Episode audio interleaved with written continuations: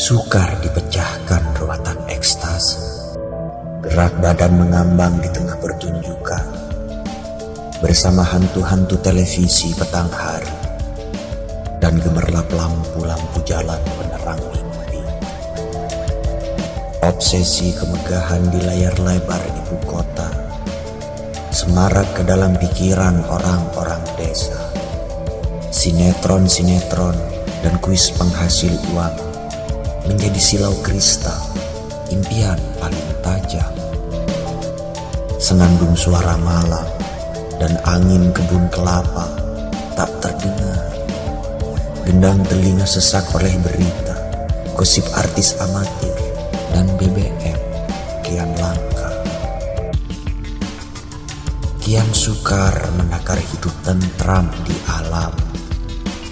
Pedalaman kehilangan rasa aman dan masa depan tertuju ke jantung kota Jakarta.